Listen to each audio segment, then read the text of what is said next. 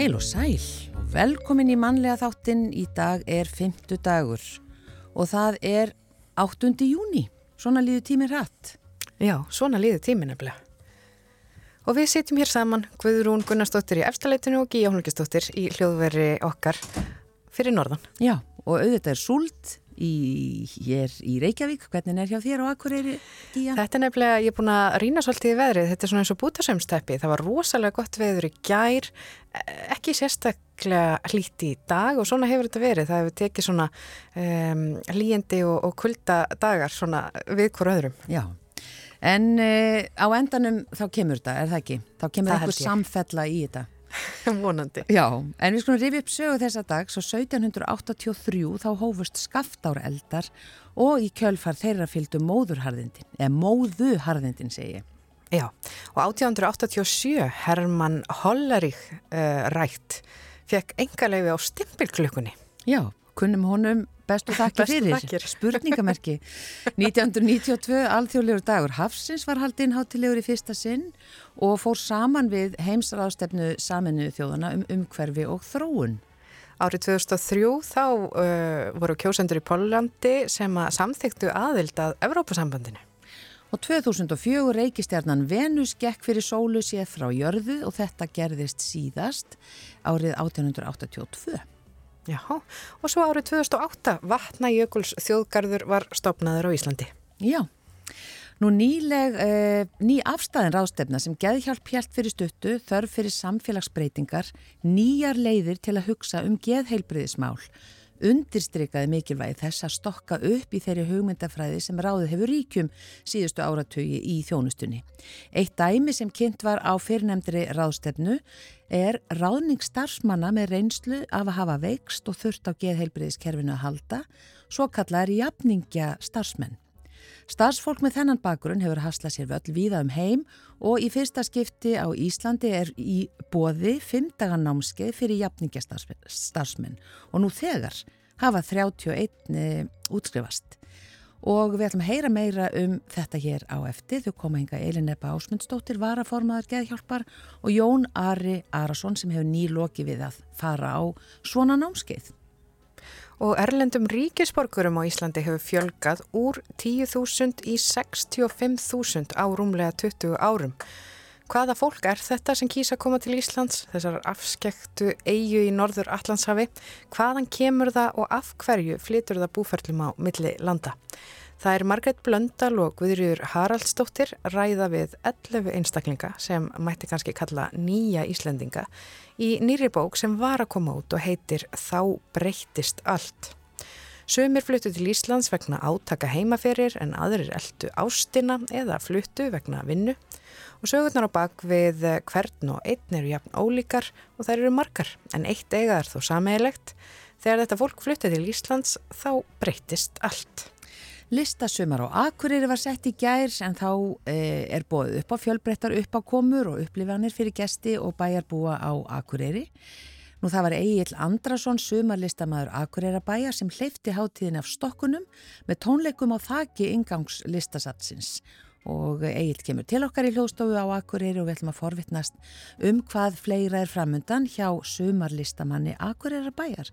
Auk þess sem Almar Alfredsson verkefnastjóri segir okkur nánar frá hátíðinni og það má nú bara einmitt reikna með því og maður fann fyrir því á Akureyri að það er e, ströymur ferðamanna þangaða því að e, margir elda veðrið eins og það heitir. Já, nefnilega. Svo má ekki gleyma skemmtifærarskipunum, það eru svo mörg hér að koma uh, til Akureyrar og Víðamlandi sem met fjöldi. Þannig að það er alltaf tróðfyllast af ferðamennum og það er nú skemmtilegt. En fyrsta lægið okkar í dag í mannlega þættinum er eftir Halla Reynis, hann flyttur það sjálfur hér, það heitir Hámenningin.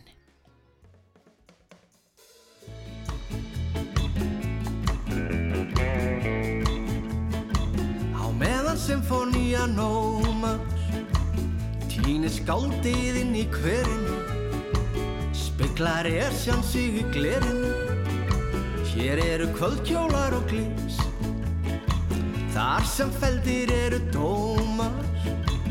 Gufar andinn upp úr glösunum Druknar elítan í frösunum Hér er að gerast eitthvað slís Þessa nótt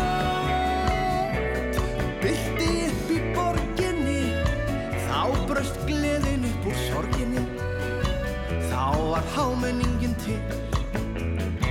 Á meðan einsöngvarinn tónar Og stígur létt á öllum skölunum Brosa andlitinn á svölunum. Hér far kampavín í skjól. Á meðan píanóið hljómar Bærir á sér þessi fámenning Þessi svokallaða hámenning Og yfir henni sól. Þessa nótt Byrti upp í borginni Þá braust gleðin upp úr sorginni. Þá var hámenningin til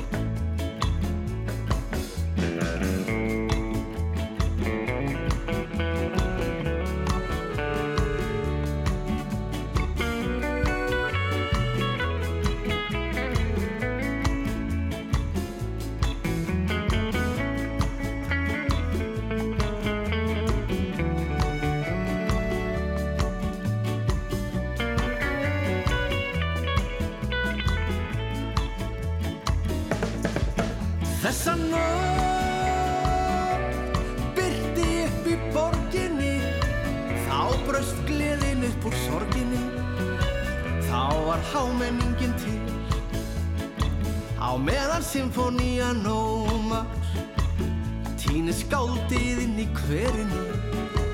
Speglar esjan sig í glerinu. Hér eru kvöldkjólar og glis Þar sem feldir eru dómar. Gufar andinn upp úr glösunum Druknar elítan í frösunum. Hér er að gerast eitthvað slís Þessa nótt Byrti upp í borginni. Þá bröst gleðin upp úr sorginni. Þá var hámenningin til. Þessa nótt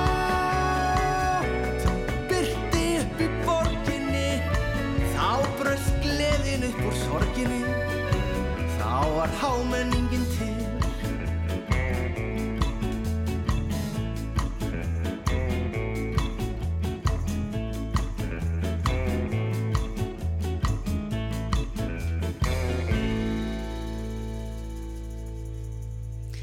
Það held ég nú, þetta var Halli Reynis og lag sem heitir eh, Hámenningin. En þá er komið að umfjöllunum ný afstæðana ráðstöfnu sem er geðhjálp hjælt fyrir stuttu sem að bar titilinn þörf fyrir samfélagsbreytingar nýjar leiðir til að hugsa um geðhilbreyðismál og undirstrykaði mikilvægi þess að stokka upp í þeirri hugmyndafræði sem ráðið hefur ríkjum síðustu áratví í þjónustunni. Og eitt dæmi sem kynnt var á þessari ráðstefnu er ráðning starfsmanna með reynslu af því að hafa vext og þurft á geðheilbyrðiskerfinu að halda, svo kallar jafningja starfsmenn. En starfsfólk með þennan bakgrunn hefur haslað sér völl víða um heim og í fyrsta skipti á Íslandi er í bóði 50 námskeið fyrir jafningja starfsmenn og nú þegar hafa 31 einstaklingur útskrifast, hvorki meirannu minna. Og þau eru kominninga til okkar Elin Eppa Ásmundsdóttir varaformaður geðhjálpar og Jón Ari Arason sem hefur nýloki við að fara innmitt á þetta námskeið. Velkomin. E, svona hvað inni ber þetta námskeið? Hvað þýðir þetta? Sko, þetta er ekkert nýtt. Uh, Við byrjuðum örgulega að berjast fyrir þessu fyrir svona 20 árum en það sem er að gerast núna er að það er að koma smá sprungur í kerfið að kerfið er alltaf eina uppkvæmt að kannski skipti mála ráða svona starfsmenn með þessa þekkingu. Og það er líka rannsóknir að sína að þetta skipti fólki máli sem þarf að aðstofa að halda.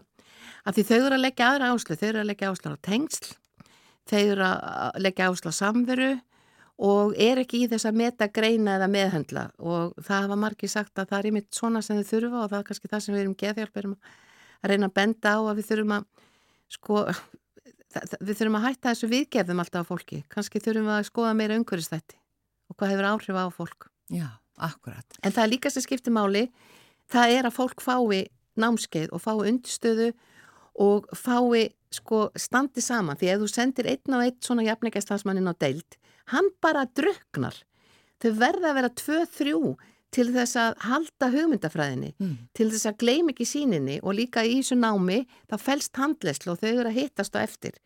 Þannig þetta er bara rétt að byrja hérna á Íslandi og ég til dæmis er líka fulltrúi Norðurlandana í, sem að Norrplus hefur styrt þar sem við erum að skoða hvernig þessu málum er háttað á mismunandi stöðum og líka Balkanglöndunum og til að hjálpa þeim eins og okkur íslendingum að komast lengra. Já. Jónari, þú sem sagt varst á svona námskeið, hvernig upplifin var þetta fyrir þig? Og svona hver er þín saga?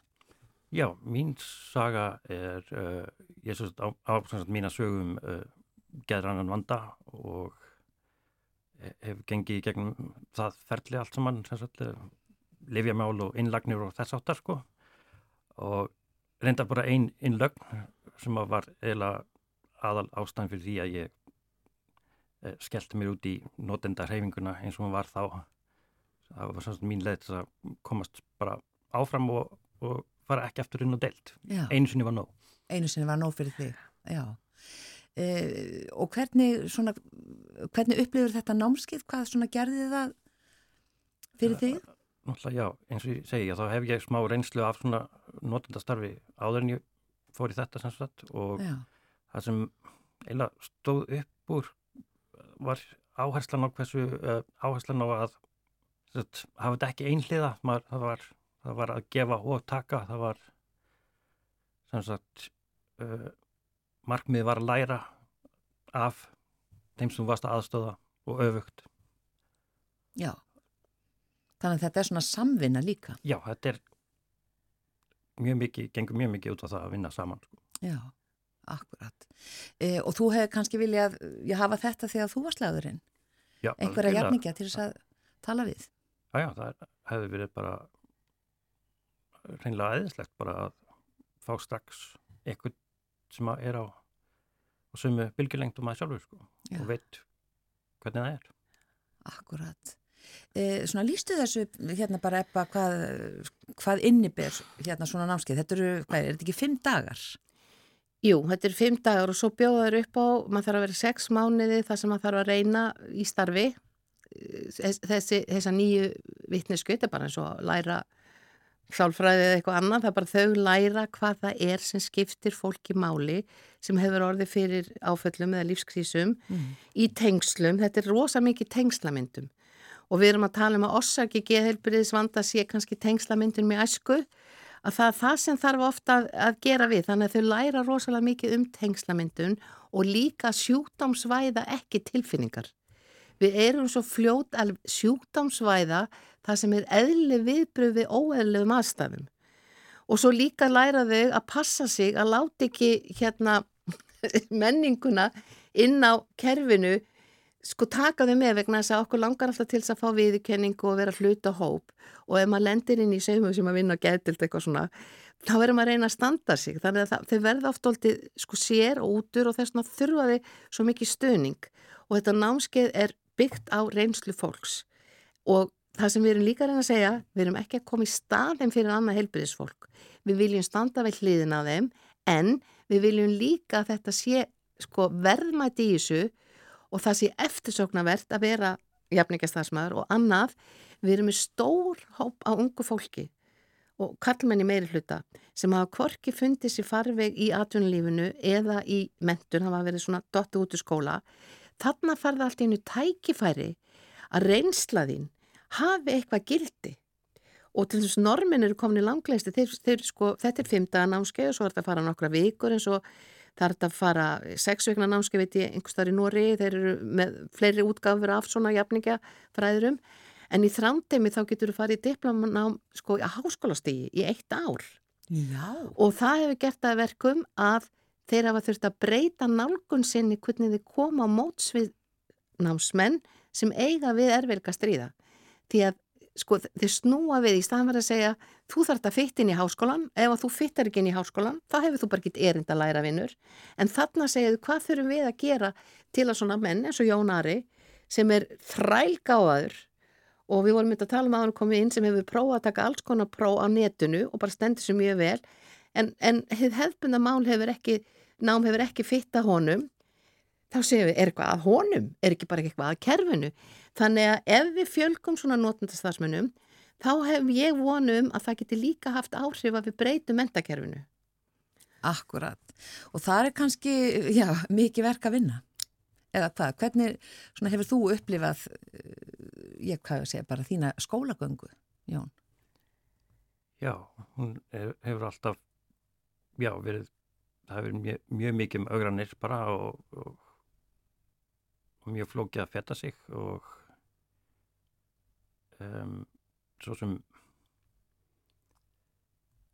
ég veit svo sem ekki hvað geti, hefði verið hægt að gera en eflaust hefði verið hægt að hlýðra einhvern veginn til til að gera lífið öðvöldara fyrir einhvern sem var augljóslega ekki alveg ná sagt, fylgja hófnum sko. Já, en það var ekkert gert eða hvað? Nei, það Lítið? Já, mjög lítið sko Já. og já, bara í gegnum alla mína sögu í veikendum þá hefur þetta er ábyrðin oftast hjá mér sko að reyna að finna sjálfur út úr leiðinni sko, það er, fólk getur lagt til ímsa leiði sko en ég þarf sjálfur að finna, finna það sko. Mm. Og þess að við hefum námsákja og svona og ég er ekkert að setja út af þá en flest öll að þessu fræðum okkar í heilbyrðiskerfinu það gengur út af það að við erum að finna eitthvað að einstaklingnum. Mm. og auðvitað getur ykkur að vera það honu líka. Það er, ég meina, við erum alls konar vankanta en við þurfum alveg jafn mikið að beina sko sjónum okkar af kerfin og hvernig við hefum byggt það upp að því það er gert að mannana höndum. Og við hefum allt og mikið verðmætið þarna úti sem við erum að missa af og bara svona notandastarsmenn eða jafningastarsmenn ég trúi því að þarna getur við byrjað einhverja smá svona ekki byltingu en smá við, hérna, sko, breytingu viðhorfum. Að þarna eru verðmæti og við erum að ná þeim upp og ég treysta á bara stjórnvöld og til dæmis eins og landsbítalinn og, og geðheilsugjastlan þeir eru farin að ráða svona starfsmenn.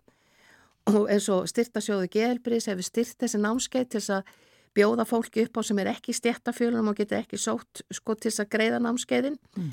Þannig að hérna og svo þegar við núna útskrifum fleiri sem allar verða leið, sko leiðbeinindur, það er næsta að þá trú ég að við getum og það var eitt sem að tala við mig í gær sem að útskrifast og hann er svo upptekið núna að hann veit að útlendingar hafa svo, sko, það er mikið geðhelbisvandamál hjá þeim að við byrjum að ná, náti þeirra og kannski útskrifa svona jafningastarsmenn í þeirra röðum þá getum við kannski fyrirbyggt því það er þekkt að þegar þessir einstaklingar eru komin í vinn og þakka fyrir höfuð þá byrjaður kannski að rinja því þeir hafa orðið fyrir miklum áföllum Já. þess vegna eru nú komni ringa því þeir hafa verið að flýja aðstæði sem hafa verið óbærilegar Já, það eru margar já, nýjar leiðir sem við þurfum að hugsa upp eða hugsa um þegar við hugsaum um geðheilbriðismál Já, það er kannski nokkrar af þeim. Það er sem við getum fyrir að segja. Og við þurfum að fle sko hleypa fleiri leiðum inn og vera opnari og hefðbunna leiðin má alveg vera þarna. En hún á ekki að dominera allt rastlið sko. Hún á að gefa fleiri, fleiri um tækifæri. Þannig að þetta tekur tíma. Vant að missa völdin. Já. Uh, 31 já, einstaklingur sem hefur útskrifast úr uh, þessu námskeiði eða af þessu námskeiði. Er, er þetta fólk allt bara komið til vinnu? eða sem sagt eh, svona fengið eitthvað hlutverk?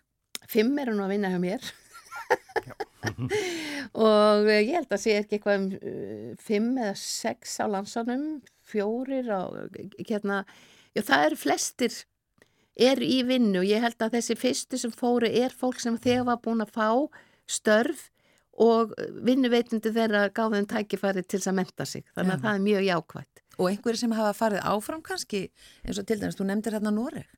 Sko, nei það er enginn að þetta byrjaði núna hjá okkur bara á þessu ári. Já. Næsta námskeið núna verður í haust fyrir að verða leiðbyrjandi. Ég held að sé bara eitt hérna á Íslandi sem hefur fengið þau réttindu, hún fór til Noregs reyndar já. Já, akkurat. Þannig, og svo kemur fólk utan að líka hérna, eru, þetta er um allan heim.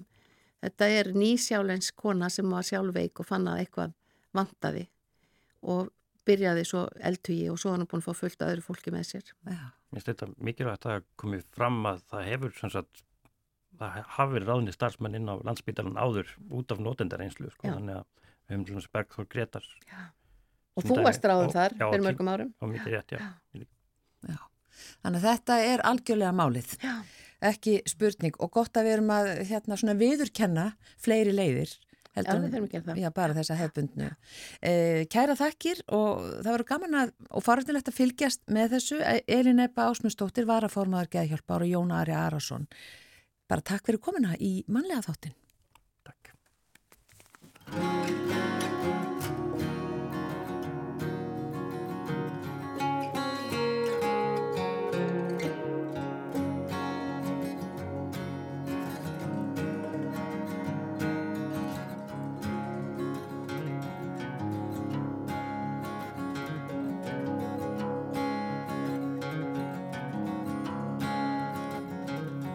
Fannstu þér góðan stað, fannstu þér góða stund til að taka lítinn væran blund. Fannstu loks þína sátt, fannstu loks þinn frið, með þínar æsku vonir þér við lið. Fannst í fjarska þegar óvættirnir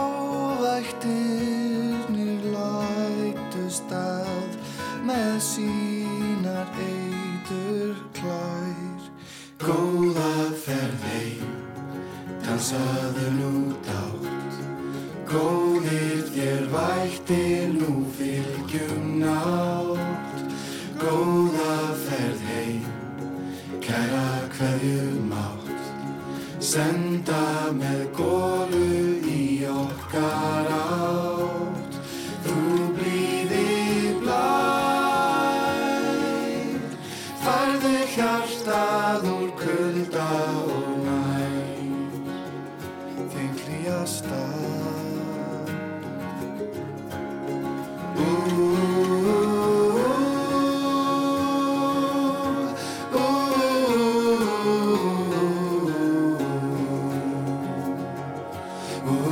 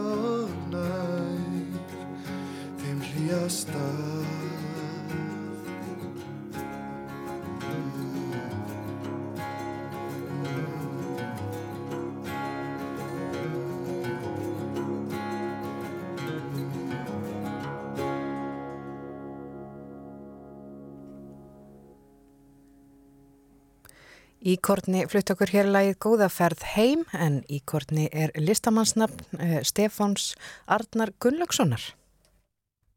Erlendum ríkisbólgurum á Íslandi hefur fjölgað úr 10.000 í 65.000 á rúmlega 20 árum. Og spurningin er hvaða fólk er þetta sem kýsa koma til Íslands afskektrar eigu í norður Atlantshafi? Hvaðan kemur það og af hverju flytur það búferlum á milli landa? Þetta stendur aftan á bókakápunni, þá breyttist allt. Glæni bók sem var að koma í bókabúðir og formlegur útgáðdagur bara í dag og þær Margret Blöndal og Guðrjur Haraldsdóttir eru hingakomnar. Þær rættu við 11 einstaklinga sem mætti kannski kalla nýja Íslendinga í þessari nýju bók. Velkomnar. Takk. E, já, hver er svona forsagan e, á bakvið þetta? Af hverju fóruði út í þessi bókaskrif? Já, þetta byrjaði nú bara með einu símtali.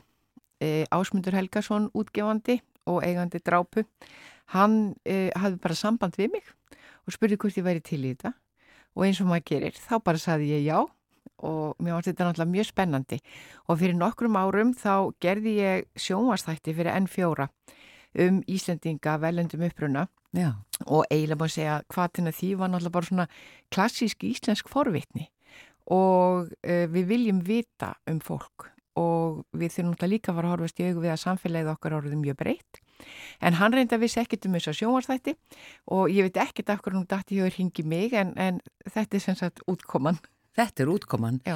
og hérna Gurri, þú kemur inn í þetta líka og, og hérna uh, hefur þetta kannski eitthvað blundað í þér líka, svona kannski einhver svona löngun til að til þess að fá að heyra þessa sögur? Já, alltaf. Ég eh, var til dæmis eh, svona sjálfbóðileg hjá Rauðakrossinu þegar við fengum konurnar frá Palestínu upp á Akranes og ég heyrði eitthvað af söguna þeirra og fannst þær mjög áhugaverðar og já, ég er kannski, það er ekki kannski hægt að segja að einn af aðalkostum mínum sé mikil, mikil forvitni. Sem bladamaður í 20 ára er það náttúrulega afaslæm en ég forviti nú svona mannlega dæmið, Já. eða þú veist svona sögurnar. Og ég var beðin um að koma inn í þetta allt og mikið að gera hjá elskumagumminni Ég má kannski bara segja að ég var á barmitauga áfalls Já.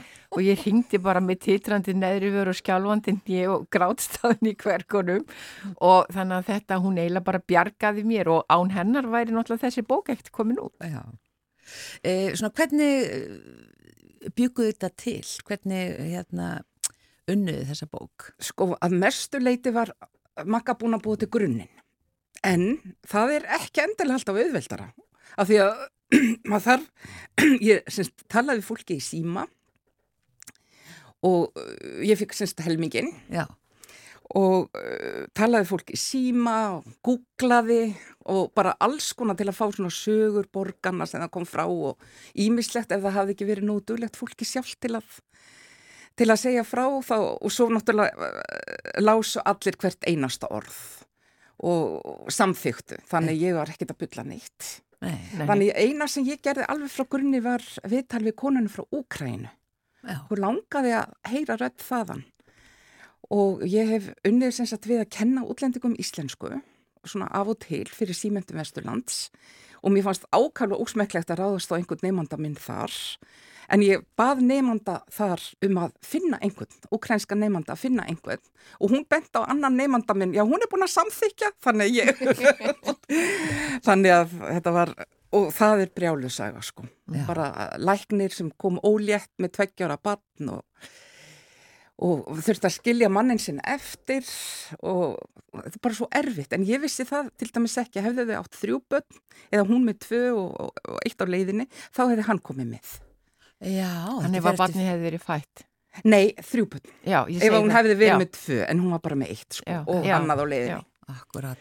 Eh, svona segðu mér frá bara fólkinu, Magga. Hvað, hérna, hvaðan kemur það? á- Sko það kemur hérðan og þaðan og ástæður þess að þetta fólk er hér og við erum svona heppin að hafa þetta fólk e, eru alls konar og e, stríðsátök vissulega koma náttúrulega við sögu e, það er einn sem að hérna er til dæmis frá Sýrlandi e, það er einn kona sem að er kurdi og það, kannski- það er kannski ekki bein stríðsátök en þar er þetta að horfast í augu við það að þú átt ekkit eða þú átt föðurland sem er ekki viðurkent af því að Kurdistan er, við viðurkennum það ekki sem, sem land.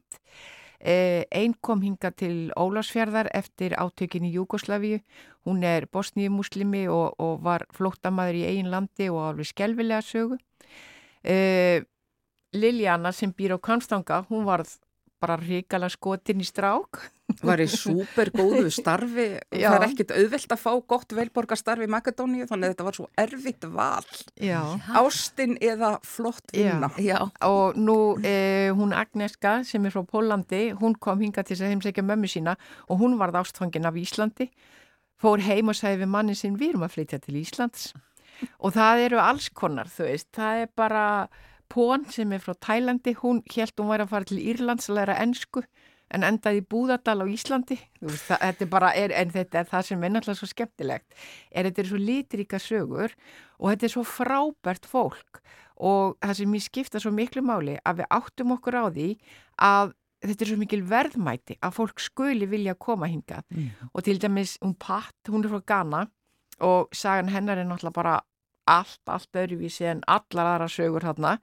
Og hún er náttúrulega alveg ótrúlega, hún rekur Afrikubúðin upp í Hólagarði og ég bara mæli með því að þeir sem hafa ekki farið til Afríku, svona sunnan Sahara, ætti að fara upp í Hólagarð. Því það er bara lapparu inn í, það bara líktinn, tungumálið, það er bara æðislegt. Og svo er hún kennar í Breiðholtskóla og hún, eins og hún sagði, það, við þurfum að sjá alla, það þurfa allir á því að halda að þessi tekið eftir þeim og það sjáist og við verðum að hætta að svona vera með svona vinsamlegt fálæti, við verðum að opna faðminn og það er bara eitt kyn, það er bara Já. eitt mann kyn, Já. Svo er það Camilo, hann, hann er frá Kúbu og hann fekk takk fyrir grímuvelunin, hvað, ég heiti fyrir hann, fyrir dans og dansreifingar eitthvað, þú veist. hann er já. dansari. Hann er frábær dansari Já. Og ég mitt horfi á hérna gamla útsendingu frá grímunu til að rifja upp. Og þetta var svo gaman, maður var svo stoltur af stráknum sínum. Já, ég veit. Og svo náttúrulega eins og þau Minghai og Rui sem eru frá Kína þau eru börn úr, úr hérna, menningabildingunni, þau eru alast upp í Kína á þeim árum. Og hann kemur hingað, hann er fenginn hingað til þess að, að hérna, það var svona að fara að pröfa eins nálastungur. Mm. Og hann vissi ekkert um það, það voru alveg sko, heilmikil mótmæli og, og þetta var náttúrulega bara talið vera sko kukl og hjálækningar, þessar mörg þúsund ára vísindi sem er nálastungurnar eru í Kína, það fannst okkur nú bara freka mikið prump. En lögunum var breytt og hérna þannig að hann hafði meiri til dæmis áhrif heldur en hann vissi um Já. og hann eiginlega vissi þetta ekkert alveg fyrir við vorum að tala um þetta hún og vorum að skrifa bókina. Já. Og það er náttúrulega ekki fyrir hvert sem er að koma hinga til þess að búa. Nei. Bara veðrið. Hvað, hvað segir þetta fólk á það einhver svona sameinlega skoðun á, á Íslandi? Já, þið finnst veðrið bara æðislegt, flestum, í Nú. alvur. Já. En, uh, elsku dúlan okkar, hún pón frá Tælandi. Þú veist þar, við höfum alltaf sagt að vilja allir búa, flytja enga og reyna að tróða sér inn á okkur. Hún bauð fóreldurum sínum til Íslands og ég man ekki hvort þau áttu að vera einnig þrjá mánuði og þau, þau flúðu öskrand eftir fjórar vikur. Það var svo fond viður, það er svo kalt, það er allt svo Og ekkert grátt. fólk. Ekkert fólk, það vantar fólk. Já. Þannig að, þú veist, þetta er, Það finnst ekki öllum æðislegt að vera hérna. nei, alls ekki, en þess, þetta fólk á þó sameigilegt að vera hrifið af veðrinu. Já, og svo eru... Flest, flest, flest. Já, Já, og svo eru er hérna líka merkilegt. Nokkri sem að nefna það að fyrsta sem þau tóka eftir, eftir hér, hvað er mikið þögn, Já. svo hljótt. Mér finnst það mjög merkilegt. Það finnst mér mjög merkilegt. Já. Mér finnst einmitt svo mikið læti í okkur alltaf. Já. Nei, Nei. já. Og svo eru bara í hverju einustu sögu er eitthvað sem maður segir, nei, já, býtu í alvör. Uh, til dæmis eins og hann Mó, sem að fekk íslenska ríkisborgarétt og hann var að skrá nafni sitt Mm. og hérna, þetta er ungur strákur, býr á Selfossi og hann hérna, heitir Mohamed en hann þurfti alltaf að vera stafita hann, og er alltaf kallaði Mó þannig að hann hugsa bróki, það er bara Mó er fínt Mm. og hann ætlaði að hafa M.O. en það mátt ekki hann var að vera M.O. og hann var að reyna að útskýra fyrir hagstofunni eða hvað, jú, hagstofunni Þú veist að Mó væri eiginlega miklu íslenskara en M.O. Nei, það var ekki þannig að hann heitir M.O. Mó Músa Kjartansson núna og hérna en, en alltaf kallaði Mó Já. og hann sagði ég svo gafst, hann gafst bara upp að útskýra þetta fyrir þeim að þetta væri íslenskara Já. Það var bara mó. Já, Já. Þetta er svolítið merkilegt. Það er bara að tölvan segir nei. já, þetta er svolítið svo Kerfi segir nei. Já. já. En já, ég bara ósk ykkur til hamingi með þessa bók. Takk fyrir það Hún er bara mjög falleg og gaman að fá nýja bók í júni. Þetta er svona daldið óvinnilegur útgáfutími, eða kannski ekkit óvinnilegur en, en svona óvinnulegri heldur en að koma út í november, desember. Eh, Guðriður Harastóttir og Margret Blöndal, bara kæra þakki fyrir komuna og þessi bók er komin út á, eh, í allrar betri bókabúður eins og sagtir. já, já. Og Já. og þetta er sem sagt fólk sem er sko miklu meir en þess virði að kynnast Kæra þakki fyrir komuna. Takk.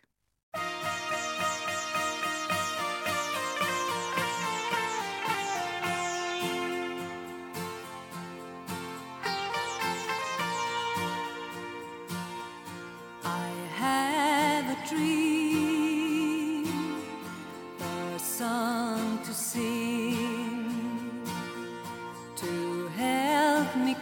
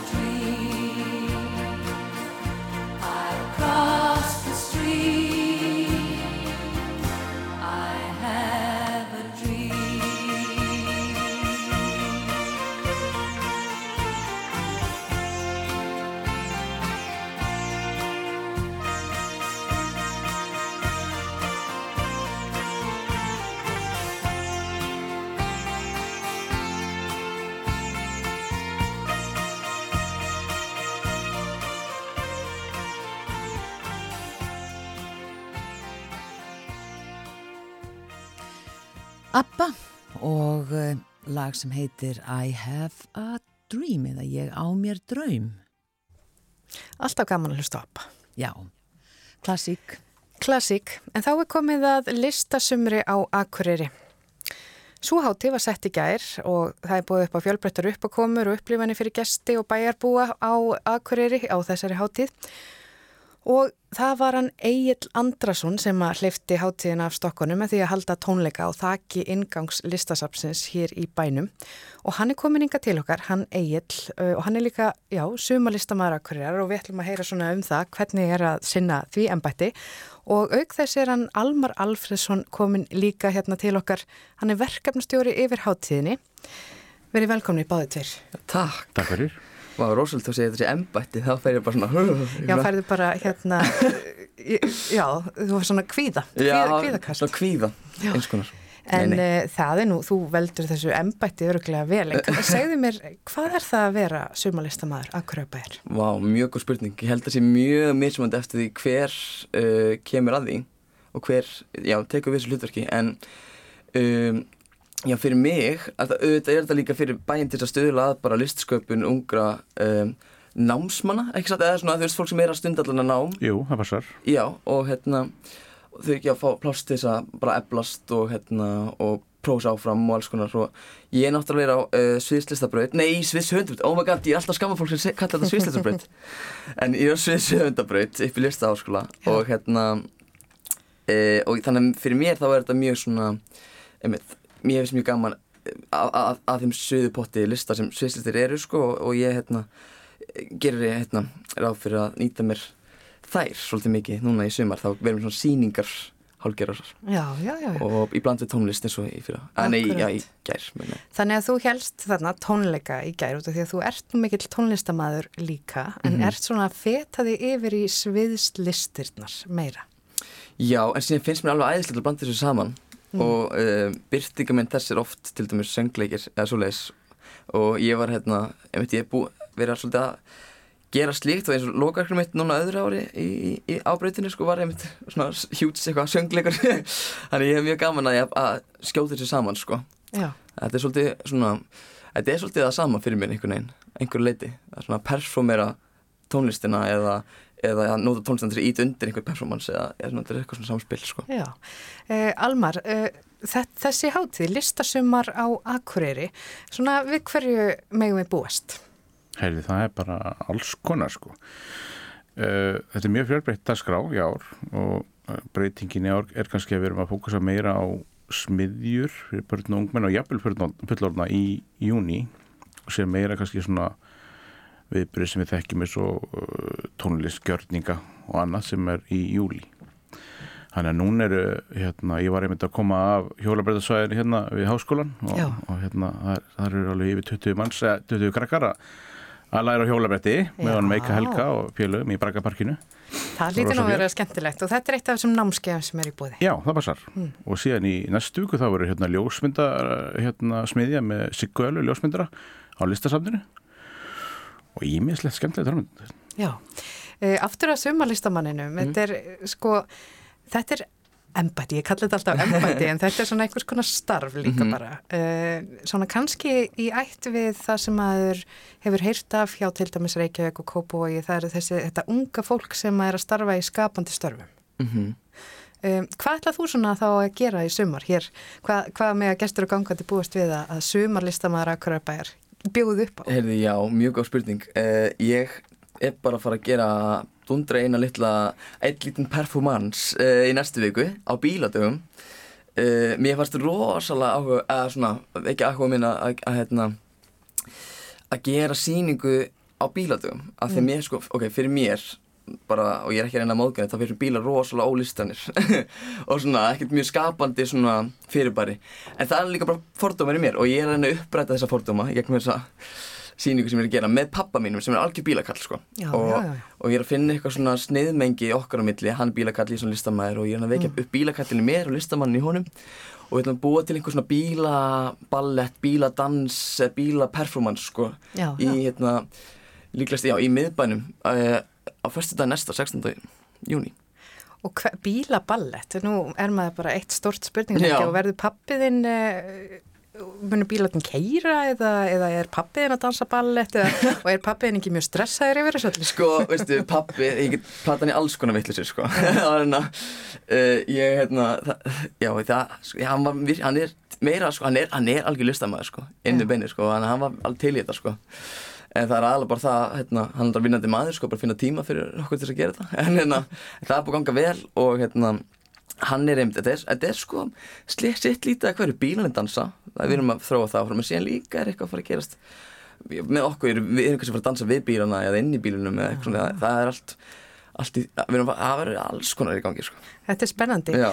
En aðeins við vorum með svona menningar spjall hérna í upphafi vikunar sem sagt um hvernig svona landslæði er í menningunni hér á Akureyri Mhm. og þú ert nú svona verandi ungu listamæður, uh, búsettur eða hérðan. Mhm. Hvernig er það að vera ungu listamæður? á Akureyri? Já, bara mjög góð spurning sko um, Já, ég náttúrulega sko ég var alveg mjög svona, þegar ég var allavega þegar ég var minni, uh, þá var ég mikið í, hérna, bara í leiklætsskólanum á Akureyri og hérna og stopnaði líka tvo leikópa með, með félögum mínum og sem, settum síningar í samstarfi leikfélagið og, og svona um, og var með eitthvað YouTube channel og alls konar eitthvað en það mm. að maður var svolítið mikið á sín einn frumkvæði fannst mér upplýði ég allan sem krakki og margt búið að breytast síðan þá náttúrulega Já. og hérna og það er, ég finn samt alveg með mörgum hérna, félögum mínum sko jafnöldurum að þeir eru með einhvers konar útþrá oft, þú veist, hvort það sé bara eitthvað bara eðlilegt að fólk sé með útþrá bara frá heimabænum sínum. En hérna, það kemur einhverjum þörskuldar sem þeim, þeirra þrá mér kannski ekki endilega mætti þess að hugsa sig kannski. En ég, þegar ég mætti, ég mætti alveg þeim þörskuld sko að 15 ára þegar ég flutti söður í FG til að fara á leiklistabraut því að ég, ég heitla engin braut mig hér sko hérna í mentarskólum hérna. Og ég bara virkilega ánæður með að hafa gert það en síðan alltaf núna er komin sviðslistabraut í Emma Mm. það er virkilega ákveð þróun og, og ég menn það hérna er mikið vera svona, ég finn fyrir stöðning sko við það að vera skapa og búa til hérna, já sem ungu listamær hérna uh, uh, já, ég myndi alveg segja að vera Þannig að það eru tækifæri og þe þeim er að fjölga og það er gott að koma tilbaka. það er alltaf gott að koma tilbaka sko alltaf Já. gott að koma tilbaka, leitar, ég leitar tilbaka sko Já. En Almar, eh, sko aftur að listasömmri og, og auðvitað erum við að tala um bara svona hvað er að gerast í svolítið svona stóru samhengi. En þetta listasömmar, uh, Egil startaði hátíðin í gær, en hvað næri þetta yfir langt tímabil? Já, hann- startaði þessi gær, uh, það stendur alveg til 23. júli og hérna, og alltaf eitthvað með verið í hverju viku og hérna, eins og ég sagði þá er, er mikið sér satt gjörningar og tónlist í næsta mánuði en, en hérna, og síðan líka eru svona nokkur atriði sem er ekki ennþá komin inn á daskrána, Mm. svona svo ýmislegt sem að eiginlega þarf að gera, sem er mjög spennandi og svona ýmislegt, þannig að það er um að gera einmitt að kíkja reglulega á daskrána. Já, þannig ef að maður kíkir núna og svona rennir yfir prógrami þá er þetta ekkert uh, meitlað í stein. Það Nei, munur atbyrðir bætast þarna inn. Já, já, það gerir það alltaf. Já. En hvað svona, hverjir eru hábúndanir? Hábúndanir, hann alltaf til dæmis bara í gær og alltaf aðeinslegt eins og, eins og hérna, alltaf gaman að starta listasömri uh, síðan eru náttúrulega hérna skemmtileg viðbreyð eins og í Hófi eins og Una Torfa ætlar að vera með tónleika 2009. júni í Hófi síðan er hérna verður uh, Kaktus menningafélag með, með hérna gjörning í listasafninu í júli og síðan alltaf hérna skal ég segja þér hérna rösk og gilfélagið og kaktus og fleiri að vera með rosa karnivalstemmingu bara í lokin á átíðinni. Já, já, sem er þannig í lók júli. einmitt. Já, Já. passar. Spennandi. Og til þess að fá upplýsingar um viðburðina, þú ert að- búin að benda á að fólk geti farið á síðan eitthvað, en hver er síðan? Hún er bara einfalt, er listasumar.is. Spennandi þetta alls saman, en, en aftur að sumar listamanninum og þessu embætti, afsakaði ég sé að hræða þessu. Nei, nei, allt er góð, allt er góð Sko, við tölum um það að vera ungur listamaður og Mhm. þér finnst ímislegt við það, en, en, en, og kostirnir. Um, og þú ert að, að læra á sviðs höfundabryti listaháskólan. Mhm. Hvert svona stefnir? vá, ég um, ég enda fyrst og fremst stefna því að klára uh, námið Já, það er góð byrjun. Já uh, En svo sko Málir, já, þetta er nefnilega Þetta er virkilega, ég sko Hvernig getur líst þessu sko? Það er alltaf eitthvað framöndan hjá mér Bara og ég er alltaf, ég, ég bara get einhvern veginn Ég set mér alltaf eitthvað svona, svona gulrót sko. Já, og hérna uh, ég, sko, ég lifi svolítið mikið í, í núinu með þetta og það hefur hérna svolítið hefnast að það er svona ef ég bara vinn vel og set mér eitthvað verkefni bara núna þá einhver kemur alltaf eitthvað annað nýtt. Þannig ég veit ekki alveg hvað er að fara að koma en ég trú að eitthvað muni koma samt og það er búið vera svolítið þannig hjá mér. En ég allan að uh, hef mikið áhuga á því að skrifa og, og hérna uh, líka alveg sá hérna áhuga minn á leiksúta líka búin að aukast þess sko hérna, hérna það er svona greinar sem að ég vil hérna kannski prófa, prófa mér svolítið meira Mhm. áfram í.